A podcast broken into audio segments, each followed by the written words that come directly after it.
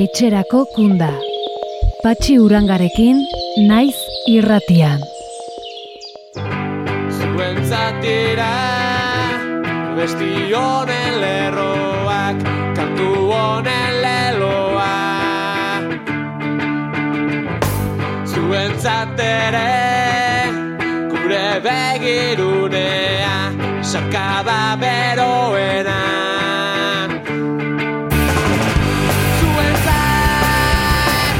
Kaixo denoi eta ongi etorri etxerako kunda saiora.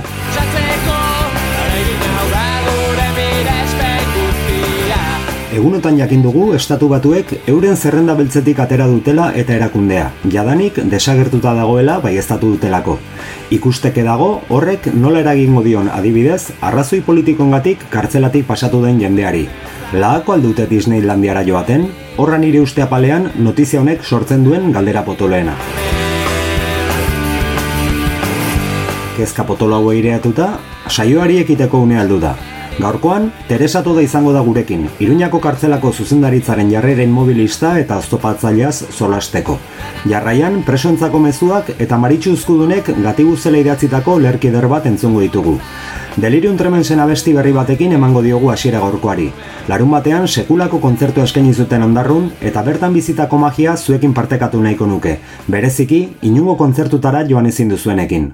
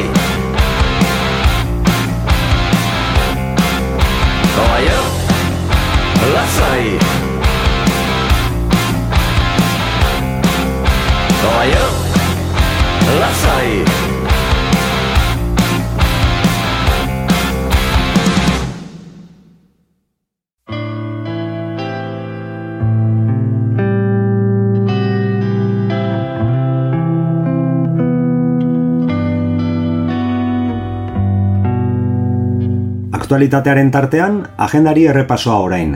Maiatzaren hogeita batean, sare eguna ospatuko dute azpeitian. Amabitan, cross herrikoia izango da plazatik abiatuta, eta jarraian taberna ibiltaria aldezarrean barrena. Ordu biterrietan, herri bazkaria eta bazkalostean Andoni Olokiegiren ikuskizuna. Bostetan, jago magoaren txanda izango da. Ordu bete beranduago berriz, seiterritan manifestazio egingo da, eta gaueko kontzertuen aurretik, elektrotxaranga batek girotuko ditu aldezarreko kaleak.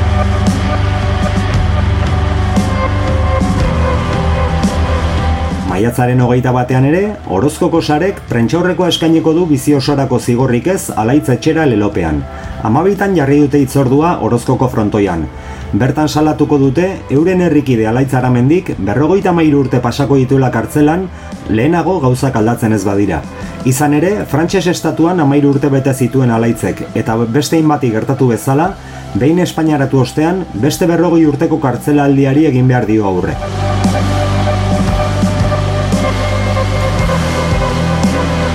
Maiatzaren hogeita bian estrenatuko da Biarnaz dokumentala. Irungo Amaia Kulturzentroan izango da seirak eta laurdenean. Lan honetan, torturak amalaba batengan sortutako zauri erakusten da, eta iratxe sortzabal presoa eta bere ama Marinibes Diaz ditu protagonista. Kaixo atxaldeon, Kim Artuaga naiz, Biarnaz dokumentalaren bultzatzaileetako bat. Bueno, azkenean lortu dugu eta dokumentala amaitzea lortu dugu eta estrenatuko dugu datorren igandean Irungo Amaia Kulturzentroan, atxaldeko zeiak eta laurrenetan. Bueno, badugu zita bat igande ontako. Mila esker denoi.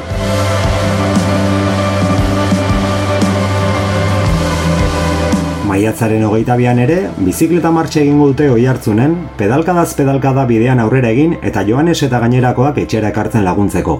Amaiketan abiatuko da gurutzetik eta ordu batean amaituko da herriko plazan. Egun berean, Egiari Zor Fundazioak ekitaldi antolatu du ekidin ziteken lemapean. Eibarko txaltxazelei parkean izango da. Espetxe politikak Josu Retola zail zuela hogeita urte bete direnean. Elegetako preso politikoa mila bederatzireun eta larogeita seiko urriaren amalauan lagazuten aske, berandu egizenean, eta zazpila bete beranduago zendu zen, mila bederatzireun da larogeita zazpiko maiatzaren emeretzian. Ekidin ziteken eta hori gogoratuko dute hilaren hogeita bian eibarren.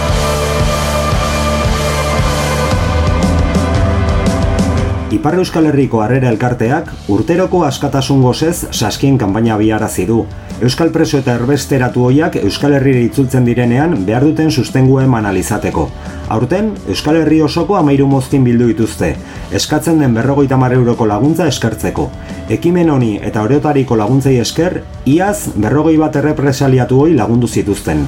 Ekainaren sei arteko epea dago saski eskatzeko, eta bi modutara egin daiteke. Baga, elbideo honetara gutuna bidaliz. Askatasun gozez, makeako bidea bederatzi, 6 lau bi bost 0 kanbo, edota 06 bat zazpi bederatzi iru 0 lau 0 bost zenbakira deituz. Banaketa ekainaren hogeita bostean egingo da.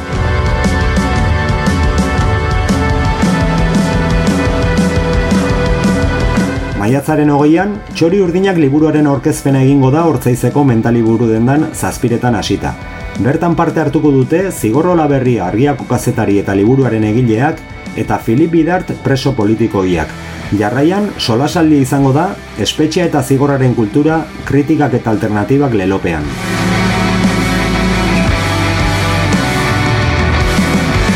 Tipularen sehaska kanta filma dokumentalak jarraitzen du herri zerri bidea egiten. Maiatzaren emezortzian, Lazkaoko areria zinemaretoan eskaineko dute seiterrietan, emeretzian uarteko kulturetxean zazpiretan, hogeian mainariako liburtegi zarrean zazpiretan eta hogeita batean azpeitean sare egunaren baitan.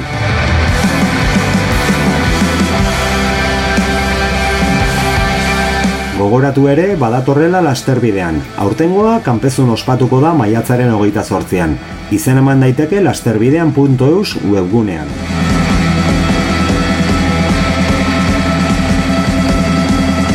Aktualitatearen tarte amaitzeko, ezin aipatu gabe laga uztailaren hogeita bederatzi eta hogeita marrean atarrabian ospatuko den atortxurrok. Untza, Gatibu, Delirium Tremens, Babon Show, Zetak, sarrerak salgai daude, baina adibili, azkar bukatuko direla baitirudi.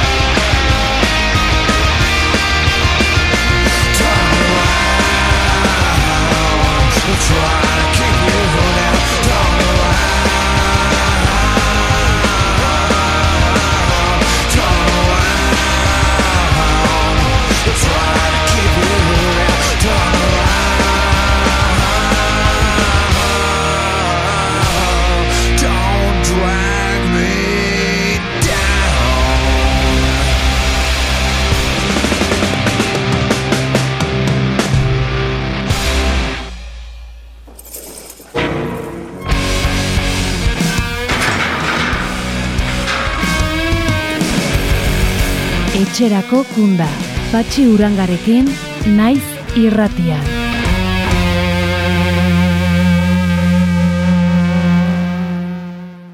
Foro sozial iraunkorrak sorturiko motivazio politikoko euskal presoi ezartzen zaien espetxe politikaren behatokiak mainguru antolatu zuen pasaden maiatzaren iruan iruñan. Bertan, behatokian diarduen Juan Jesori abokatuak salatu zuen, iruñeko kartzela presoen edukiontzi bilakatu dela. Hango zuzendaritzak ez duela espetxe tratamendua kontuan hartzen, motivazio politikoko presoak ez atzera ez aurrera uzten dituela, eta gainera, espetxe zaintzako epaitegi zentralaren babesa duela. Guzti honetaz lasaiago solasteko, Teresa Toda dugu gurekin. Teresa Toda, ongetorri etxerako kundara. E, kaixo, Gabon, mil esker konbidatzeagatikan. Bueno, lehen galdera oso zuzena da. Ze ari da gertatzen Iruñako espetxean? Bueno, begira, Iruñako espetxean gertatzen ari dela da, e, detektatu dugun arazo larri bat bertan areagotzen ari dela. Eta zein da arazoa? Bueno, pues duela ja amabila bete edo pixka bat gehiago, e, behatokietikan konturatu ginen horre euskal presoek egiten dituzten birgizirat, birgizarteratzeko ibilbideetan ostopo serio hasi izan jartzen audientzia nazionalaren aldetikan. Eta bereziki hiru instantziatik. Fiskal, fiskaliatikan, e, zaintza e, epaiketa zentraletikan eta lehenengo aretoan. Eta orduan e, hor gertatzen da, pues baimenak ez direla onartzen, naiz eta espetxetako juntekin onarpena etorri, baina area e, area iristerakoan atzera botatzen dituzte, edo fiskaltzak errekurtsoa jartzen du, eta hirugarren graduarekin berdin, osea, gradu progresiorako ostopo haundilak. Eta iruñean, hori momentu honetan, hola denez Madrilen, iruñan bertan, e, zuzendaritza eta junta de tratamientoaren jarrera oso itxia da. Oso itxia da, eta orduan, presoen baldintzak okertzen dira. Kasu batzuetan, inkluso beste espetxe gogorretikan etorri, eta azten dira, e, pues, e, oztopo txikiekin, ez? Adibidez, pues, zuk baimenduta baldin badituzu zure aurrez aurrekoak, pues ordu iruñan ez dizute bere zonartzen, baizik eta hasi behar zara prozesu osoa berriro. Bueno, lako ez dira txikikeriak, baina gauza norm, bizitza normalaren gauza batzuk. Eta gero, baimena eskatuz, eta juntetikan ez dute inoiz e, aldeko jarrera izaten. Orduan, baimenen bidea mozten da bertan, ez? Zeren e, juten da epaiketa zentralera, eta epaiketa zentralean atzera botatzen dute ere, eta berriro azten da, ez? Eta esan dudan bezala da orokorra orokortzen ari den jarrera bat, baina e, Iruñako espetxean bereziki gogortuta dagoela. Hain justu, e, duela egun batzuk mai inguru bat eginda Iruñan, eta behatokian aritzen den e, Juan Jesoria abokatuak esana da, Nafarroako kartzelako zuzendaritzak alde batera uzten dituela eskatu behar diren datu objektiboak eta garrantzia handiago ematen diela alderdi subjektiboi. Alegia, gaindituta dauden garaiei eta jarrera ideologiko isolik erantzuten dieten argudioak erabiltzen dituztela. Denbora igaroz baliz bezala. Bai, hori oso oso ohikoa izaten ari da zoritxarrez eh, audientzia nazionalean ere bai, ez? Ez dira kontuan hartzen, presoaren preso baten pues e, egoera ze ibilbidea egiten ari den ze mm, onurak e, nola baita esateko lortu duen espetxe barruan hori guztia ez da kontuan hartzen. Incluso ba noiz beinka pues egiten diren minaren onarpenaren idatziak ez dira kontuan hartzen edo esaten da hori ez dela zintzoa ez direzala zintzeroak eta txera botatzen dute egia da, pues hori, da eh, aurre iritziz betetako jarrera bat, eta iraganean eh, eh, gogortuta. Beti, betikotzeko asmo, asmo garbia dirudi? Egoera betikotzekoa? bueno, espero dezagun ez ez, ez, porque egia da, gauza da hauek batzutan azalaretzen direnian eta gure informeak bidaltzen ditugu ba, audientzia nazionelara baita ere, fiskalia orokorra, estatuko fiskaltza orokorrari, e, epai ezberdinei, osea, zabaltzen da, ez? Eta gauzak zabaltzen direnean, bueno, beti daukazu esperantza zeo zer eh, aldatuko dela. Gure kasuan adibidez, egin gendun e, duela ja urte terdi edo, Kordobari buruzko txosten bat, txosten berezia, isolamenduko garaikoa, eta bere eragina izan zuen, hori esan dezakegu baita ere. Egia da oso zaila dela, porque hor daude faktore batzuk e, e, kontrola ezinak. Adibidez, e, audientzia nazionalean dauden epailen jarrera, pues hori, epaile hauek aldatu arte, zaila da aldatzea, ez? Baina, bueno, esperantza beti izan behar dugu, eta hor badaude adibide batzuk, gauzak, ba, tinko mantentzen badugu, eta jarraitzen badugu, em, azitako bideetan, gauzak lortzen direla, ez? Alere, ez dakit, deigarri egiten zaitez, e, orain artean, e, bueno, orain dela oso gutxi arte, kartzela guztietan e, jarrera berbera zen, orain jendea, ba, Euskal Autonomia Erkidegora ekarri dutenean zenbait jende, ba, ikusi da, ba, ba, bertako espetxetan, ba, tratamendu batzordek eta jarrera irekisago dautela, baina Euskal Herrian bertan iruñan, noski, hor, horrez daukate transferentzirik eta oztopoak ja, kartzela bertatik hasten dira. Bai, eta horregatik eh, mai inguru horretan bereziki Libertad Frances salaketakoa eta amaia izko abokatuak bilak eh, aipatu zuten importantea zela Nafarroak kompetentziak izatea. Zeren kompetentziarekin normalean, bueno, segun eta ze gobernua dagoen, pues beste irizpide batzuk jarraitzen dira, ez? Eta barkatu, egia da hemen komunidade autonomoan pues gauza batzuk e, aldatzen ari dira eta hobeto daude.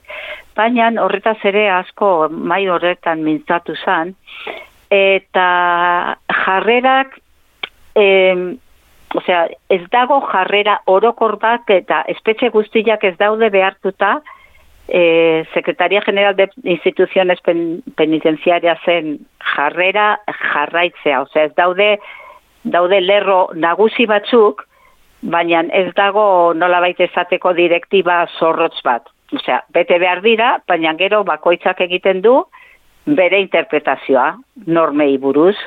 Eta orduan, e, iruñako zuzendariak legea interpretatzen du zentzu itxienean, itxirenean, eta aplikatzen ditu e, salbuespeneko legediak, eta lege arrunta ere aplikatzen du ba, modu oso estu batean, oso estu batean.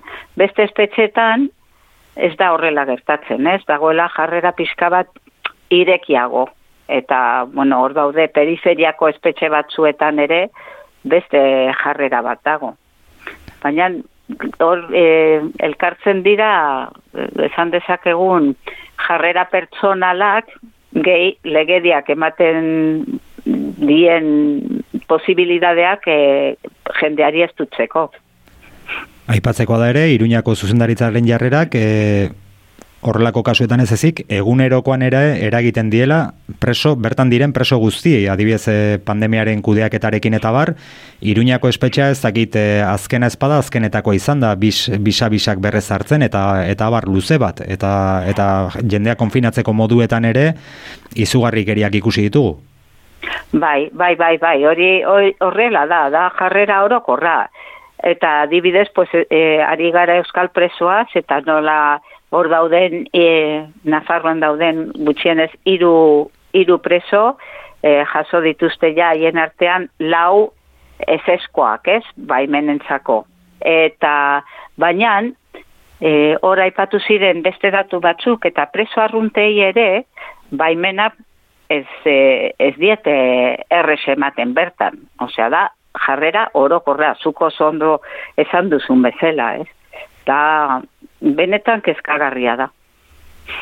Bai, han- hango kontuak entzun da bintzat, e, es, Espainiako ez dakite kartzelarik siniestroenetako ga- garaiak datoz gogora, Bai, Ba, ba, Halaxe da. Bai, ba, moduluak utxik eduki eta eta eta denakan konfinatu beharrean ba, gauzak alderrebes egiten, ba, ba, kartzeletako ohitura ez galtzeko. Bai, eta ba, arazoa, osea, inoiz ez da izan oso progresista e, zu, iruñako zuzendaritza, bata bestearen atzetik, ez?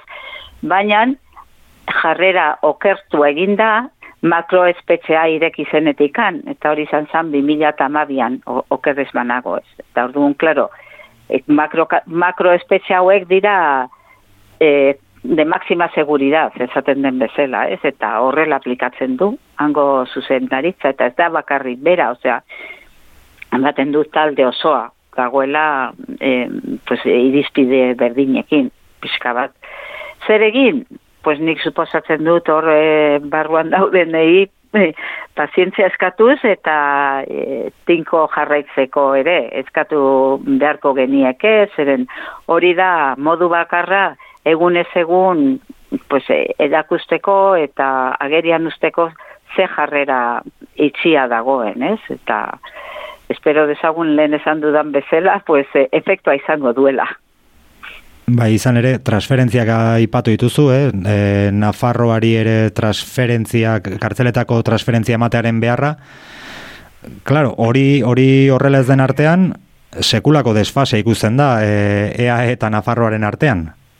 Bai, Ho- horri datu objektibo bat da. Objektibo bat da, eta, e- eta bai, o- beste espetxe batzuetan, adibidez, zueran ere olako arazoak eh, ematen dira, ez hain hain gogorrak, ez, porque jarrera pixka bat ezberdina da, baina gertatzen ari da, e, oraindikan e, e, komunitate autonomoan ez dauden presoei askotan esaten zaie, hor daudela, espetxe hauetan daudela, de paso. Eta orduan, ez eskaintzen, e, legeak ematen dizkien posibilidadeak edo lana, edo ikastaroak egiteko, edo beste gauzetan aritzeko, edo tratamendu programak. Claro, nola e, juntak edo zuzendaritzak esaten du, de paso daudela, pues orduan, mugitu arte, horregon, eta hori ez da oso lagungarria ere ez. Ez da iruñan bezala, baina bai da zerbait momentu honetan gertatzen ari den zerbait da. Zer ulertu behar du, birgizarteratze prozesuak edo zeinen kasutan de paso direla edo? Ez, prozesua ez, osea, presoak daude de paso espetxe hauetan. Bai, bai, ez, na- nahi, nahi bai, esan bai, dizut, eh? ah, bai, bai, bai, hori da, hori da. Ba, e, in, e, mozteko aukerak ematen direla. Osea, nahi duzun momentuan, espetxeak mozten du. Kasu honetan, nola zaude zain, kundaren zain zaude, pues ordon kunda etorri arte, zu hemen egon, como, ez dakit, estazion de tránsito, nola bait, zerbait ezatearren, baina bai, bai, bai, eta ez legoke horrela izan behar, noski. Zeren ju, zu ja zatoz beste espetxetikan eta rekerrido bat eginda, eta igual zaude e, zerbaitetan sartuta eta mozten zaizu, ez? Bai, hor bada, bada galdera bat egin nahi dana, nola, nola ulertzen da, bueno, espetxe kontuetan ez dakit ze- zer ulertu liteke, baina galdera egin egingo dizut, nola ulertzen da adibidez e, zu atera zara, ba ez dakit, e, duesotik e, baimen bat onartuta, iritsi zara Bai. ba, e, iruñara, eta iruñan esaten dizute baimen hori lehendik onartua duzuna esetz. Bai, Ze- zeldu, hori da. zeldu leku du horrek. Ba, auskalo, helduleku ideologikoa argi dago. Hor ez dago besterik, porque zu bete dituzu zure baimenak, eta ondo eta arazorik gabe, eta bueltatu zea, eta inungo kejari gabe, baina iristen zea beste espetxetara, eta beraiek esango dute, e, pues, bide oso hartziko duzu zerotikan. Lehen komentatu duguna, ez dira kontuan hartzen pertsona bakoitzaren egoera eta zirkunstantzia zehatzak. Zeren hor kasuistik asko dago eta mm, baina baimena onartuta rekin baldin bazatoz edo lehen komentatu dudan bezala zure aurrez aurrekoekin e, baimenduta baldin bazatoz zergatik ganazi behar zara zerotik aska, askotan, ez? Eta hori da gertatzen dena, bai. Bai, baina- Batean, pues hori, baimena Ba, igual ez duzula egin e, zure idatzia beraiek nahi zuten hitzekin. Edo olako e, gauzak ikusi ditugu ba, audientziaren auto batzuetan, ez? Bai, baina alare, alare eta bar, barkatu insistentzia, baina tratamendu batzorde batek e, alako edo olako idatziri oniritzi eman badio, urrengo espetxeko tratamendu batzordeak ez dio ematen, ordun zalantzan jartzen ari da aurreko tratamendu batzordearen e, ze sartuko diete, kerela bate kolaboraziogatik edo? bueno, ba... Izan nigatik bai, eh? Auskalo, niga- nigatik bai, bai, perfecto. Bai, bai, bai, bai, baina negia da, e, inkongruentea da, inkongruentea da, baina lehen aipatu dudan bezala, bai, badaude, e, irizpide orokor batzuk eta araudi batzuk e, orokorrak eta alde batetikan legeak markatzen ditunak eta espetxeko reglamentua, baina gero interpretazion libre. Eta orduan, pues hori eta gainera e, olako iruñako zuzendaritzaren kasuan adibidez, pues beraiek badakite audientzia nazionalaren jarrera orokorra, pues mm, berare, beraienarekin bat datoz, ez, eta orduan, pues hor daukate babes bat nola baita esateko. Baina bai, bai, e, zuk esan duzuna bezala, ez, e, logika galtzen da askotan, porque normala izango zen dena errespetatzea. Aurretik esan dakoa, eta bereziki zu, e, baldintza guztia betetzen badezu, zergatikan e, jarri behar zaizkizu beste baldintzak betetzeko, adibidez eta hau ere aipatzen genuen txostenean eta gertatzen da iruñan ere bai, osea, ari direla eskatzen baimen arruntetarako, ari da irugarren gradurako e, baldintzak eskatzen, eta hori ez da horrela, porque irugarren gradua, irugarren gradua da. Eta baimenerako o, baldintzak oso argi daude e, araudi, arautuak, ez? Orduan, ba, dira denak interpretazioak. Eta hori da egoera, hori momentu honetan egoera kezkagarria da horregatik. Ez, eh, ez daukala em, elduleku em, ez dakit nola esan logikori, baizik eta oso karga ideologika hundila, horde dagoen Madrilen dagoen lobby horren presioa, eta eta mendeku gozea edo asmoa dago epaile edo instantzia batzuetan hor utziko dute instantzia batzuetan. Orduan horren aurrean pazientzia eta insistentzia. Eske ikusten dugun momentu honetan dela e, bide honena, ez? Porque azkenean lortzen da, ez? Eta lortzen dira gauza txiki batzuk, adibidez, bo, hor daukadugun jarri dezakegun, beste adibide bat, ez? Atristainen sententzia, justo atzo, pues hori, ba, Tribunal Europeo de Derechos Humanosek, eh, ba, firme ja eman da du, ez? Pues hori da pazientzia, insistentzia, perseverantzia. Eta azkenean, pues, zerbait lortzen da, bai. Eta espero dezagun ere, pues, nola baite hor sortzea, eta hori da behatokiaren asmo, asmo importante bat, ez? E, kontribuzioa egitea, esto, iritzi publikoa eta iritzi prestatuagoa, osea, iritzi juridikoetan ere, taldeak sortzea edo ir, beste jarrera bat sortzea nola baita iritsiko dela pues, e, politikoengan eta instantzia judizialetan pues, transmititzen arazo honi ba, konponbide bat jarri behar dela eta konponbide hau araututa dagoela e, legedi arruntarekin, o le, le, legedi, arru, espetxe legedia arruntean. Eta orduan pues hori ba, aplikatzea inungo kontrapesori gabe, osea, den bezela, ez? Eta bide honetan, pues, e, beste instantzia batzuk, adibidez, epaiketa, zaintza epaiketa zentrala, ba, bere funtzioa bertan bera utxiko balu eta bueltatuko balira instantzia guzti hauek epaile naturalera beste momentu batean gen, geundeke, ez? Baina hori ja, hori ja da luzerako. Baina gauza batzuk egin, de- egin daiteke momentu honetan, bai. Uste dut eh, presoek ez ezik zuek ere pazientzia eta eta insistentzia dosi handia beharko dituzuela. Ez dakit Teresa, zerbait gehiago gaineratu nahi baduzu, hainbat txabolotatik entzuten ari zaizkitzu une honetan. Bai, pensatzen dut, bueno, alde batetik animo, animo guztiei, ba, pixkanaka, pixkanaka zeo zer lortuko dugu, e, zuen esfortzuak oso baloratuak dira, eta mm, ari ezarete hori, pues, e, kontribuzioa egiten prozesu komplikatu eta luze honi, eta hori oso oso importantea, e, importantea da. Orduan animo eta bueno, bidean egongo gara, gure babes eta laguntza hor egongo da beti. Teresa toda, mila eta milioik esker e, gurekin izateagatik. Zuei, zuei deitzeagatikan eta nahi duzun arte. Ea, ea hurrengoan motibo, motibo alaiagoak ditugun, elkar hitz egiteko. Ala bedi, ala bedi, bai. Inshallah. Ondo bai. izan. bai, mila esker. Aio. Aio.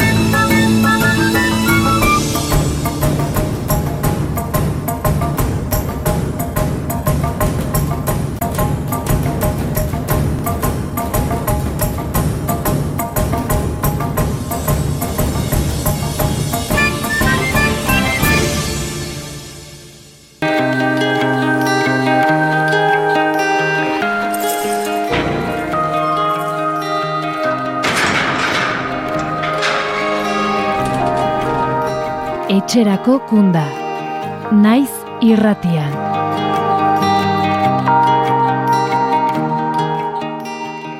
Mezuen tartea orain. Gogorarazi nahi dugu etxerako kunda irrasaioak aukera ematen dizuela presoei zorion eta gur mezuak audioan bidaltzeko. Eta egu Euskal Herriko kartzeletan gatibu ditugun lagunek entzuten dituztela ere bai. Grabatu audio bat euskaraz eta bidali whatsappez 6 lau sortzi zazpi bost 0 bat zenbakira. Zehaztuz, nork bidalia eta norentzat den.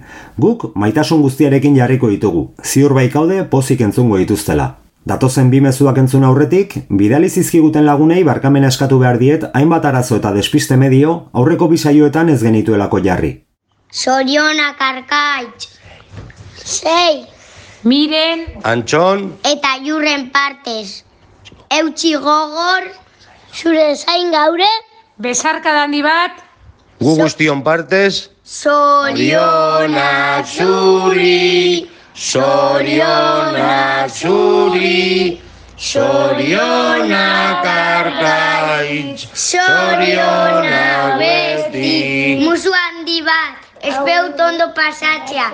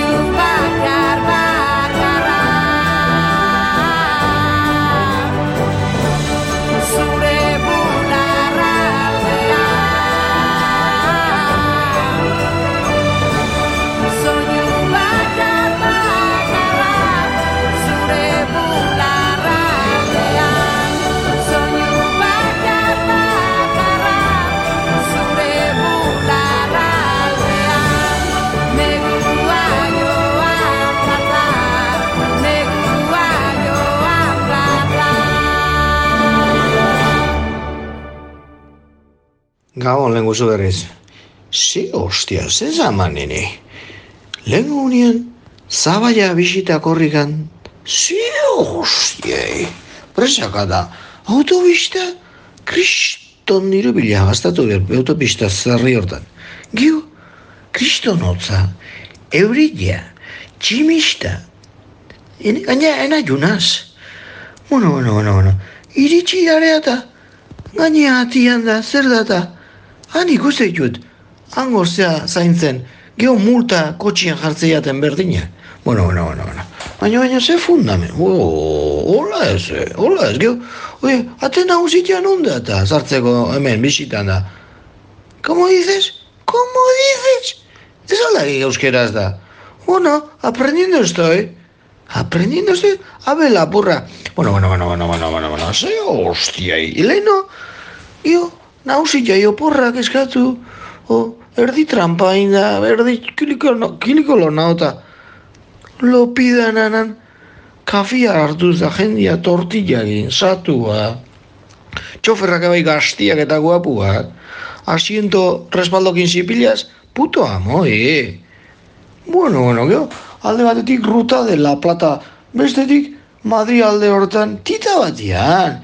M30 eta M40 eta M50 pilotua, bezala hor, puto amo, e, castellana eta pirulik eta ikusten da. Bueno, bueno, bueno, bueno, bueno, e. Gio, Andaluzia iritsita batzuk, olioa erosten jaian alden da, bestia kaditen boloniak ondortetan hor bota eta tangakin, baino eta bainito eta, bueno, bueno, Granada bai batzuk alpujarra eta eskiatzea zirrane badata hostilere. Alberian bai, Bisbalen kontzertuan, jerez de tio pepean ez da ferile ikusten da. Bueno, bueno, i konparatuko edik, Christian Egualdi, ja, as estranjerak ikusten hor ondartzetan da, konpatzen bueno, bueno, bueno, bueno, i, jo paso, zabaian irteaz, bueno, bueno, bueno, lehenoko, bueno, bueno, bueno, i, bueno, bueno, entzeri, zein gozu da, hola, diai gauzak eta, hola, egin beharko dugu. Bueno, egon gaitxuk, musu pila bat, adio denoi. Ta abestitza aukeratzeko zan, ba, Roy Orbizonen adrofa hor nahi, o, esaten omen da hor kurtsilloa inglesa zitzen, nahi naiz da, hola, esaten omen da, eta euskeraz da, gidatu nun gau guztia, areke bai, asko maite bazuen bere, bere neskatxua eta kilometro eta kilometro, ez zizun egun ez da gau ez, ua ikusteko eta hemen entzule guztike bai, kilometro eta milaka eta indituzte, bere launda maite dituzen pertsonak ikusteko eta haientzako, guztiontzako, izangoa, bale? Abesti erra, gainea modernizatuta inglesa esto, osos, aio, musu pila bat denoi.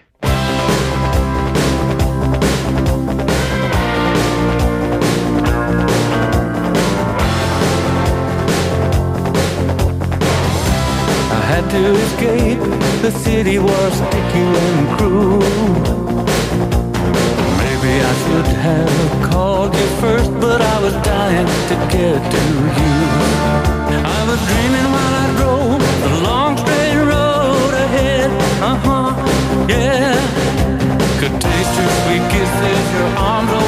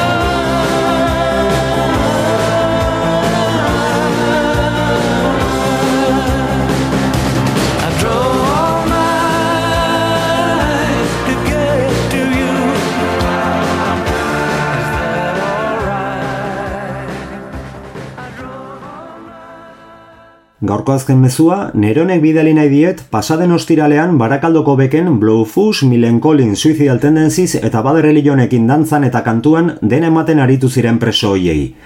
Izan ere, bertan ginengu eta baten batzuk topatu nituen, zein baino zein gusturago. Horientzat denentzat eta bertaratu ezin izan zenutenentzat, Suicidal Tendencies-en kantu mitiko hau.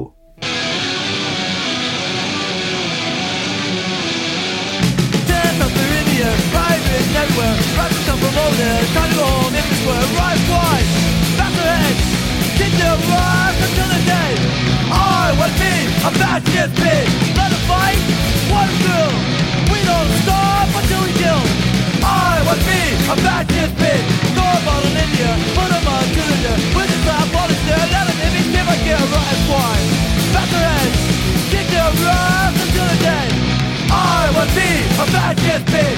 Let us fight, one through. We don't stop until we kill.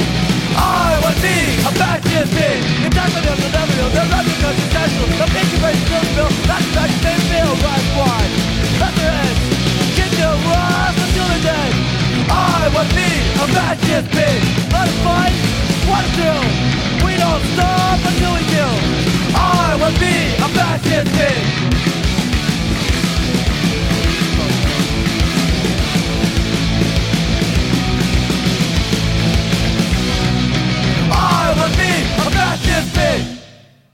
Eta denboraz nahiko txukun gabiltzanez, zergatik ez, baita barrelionen beste abesti mitiko hau ere.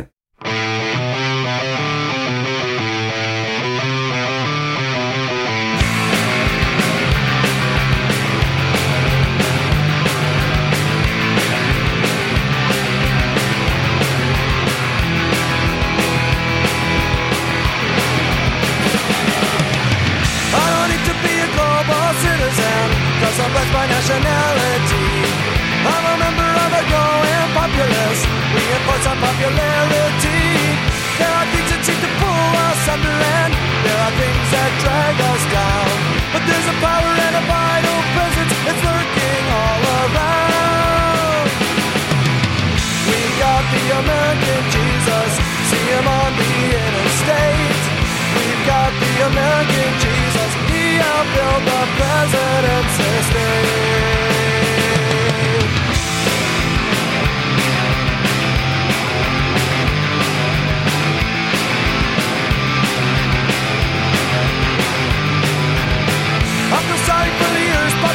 Population, just some who live in the USA.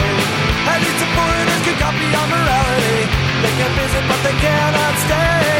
Only precious few can garner the prosperity. It makes us want the freedom confidence.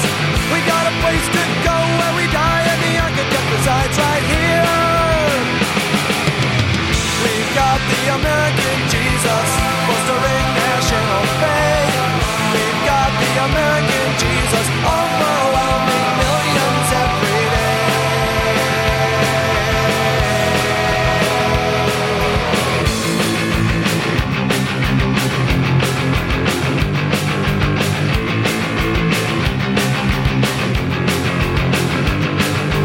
farmer here fields, the books the army wields, expressions on the faces of the starting millions, the power of the plan, the fuel that drives the clan. He's the motive and the conscience of the murderer. He's a preacher on TV, the false sincerity, the formula that's written by the big computers and nuclear bombs, the kids with no moms, and I'm fearful that he's inside me.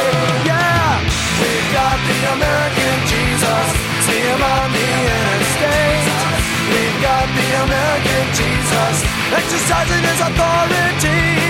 We've got the American Jesus bolstering national faith. We've got the American Jesus overwhelming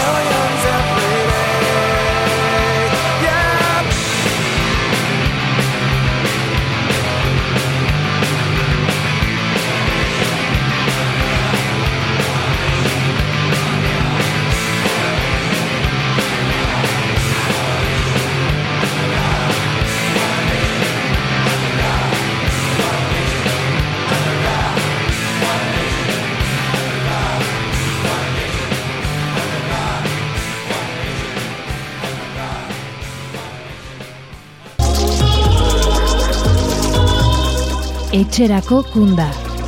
Naiz irratian.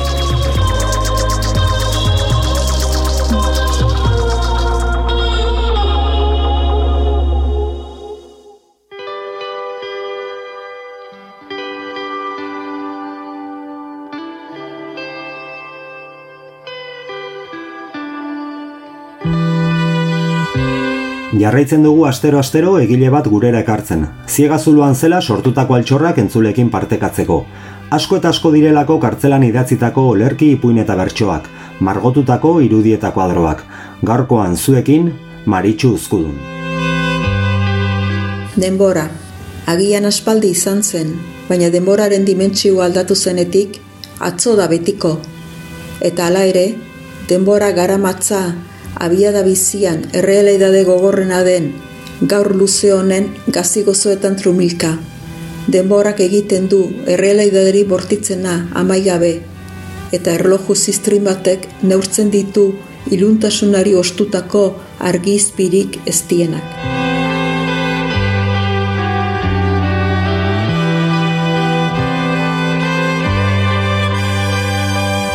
Maritxuren hitzekin bat eginez, Joarra Izpurua teknikariak eta biok salatu nahi dugu, gurean aspaldiegi aldatu zela denboraren dimentsioa, eta aspaldiegitik dela atzo. Ez betirako ordea, guztion artean lortu behar baitugu denboraren dimentsioa bere onera ekartzea, eta hori, denak etxeratzean izango da soilik. Entzule, plazera izan da. Datorren astean okerrik ezean hemen izango gaituzue, etxerako kundan. Beti, azken kunde izango den itxaropenaz. Etxera ekarriko dituen kundan. Bitartean, ondo izan, eutxikastari eta aurrera beti. Aio!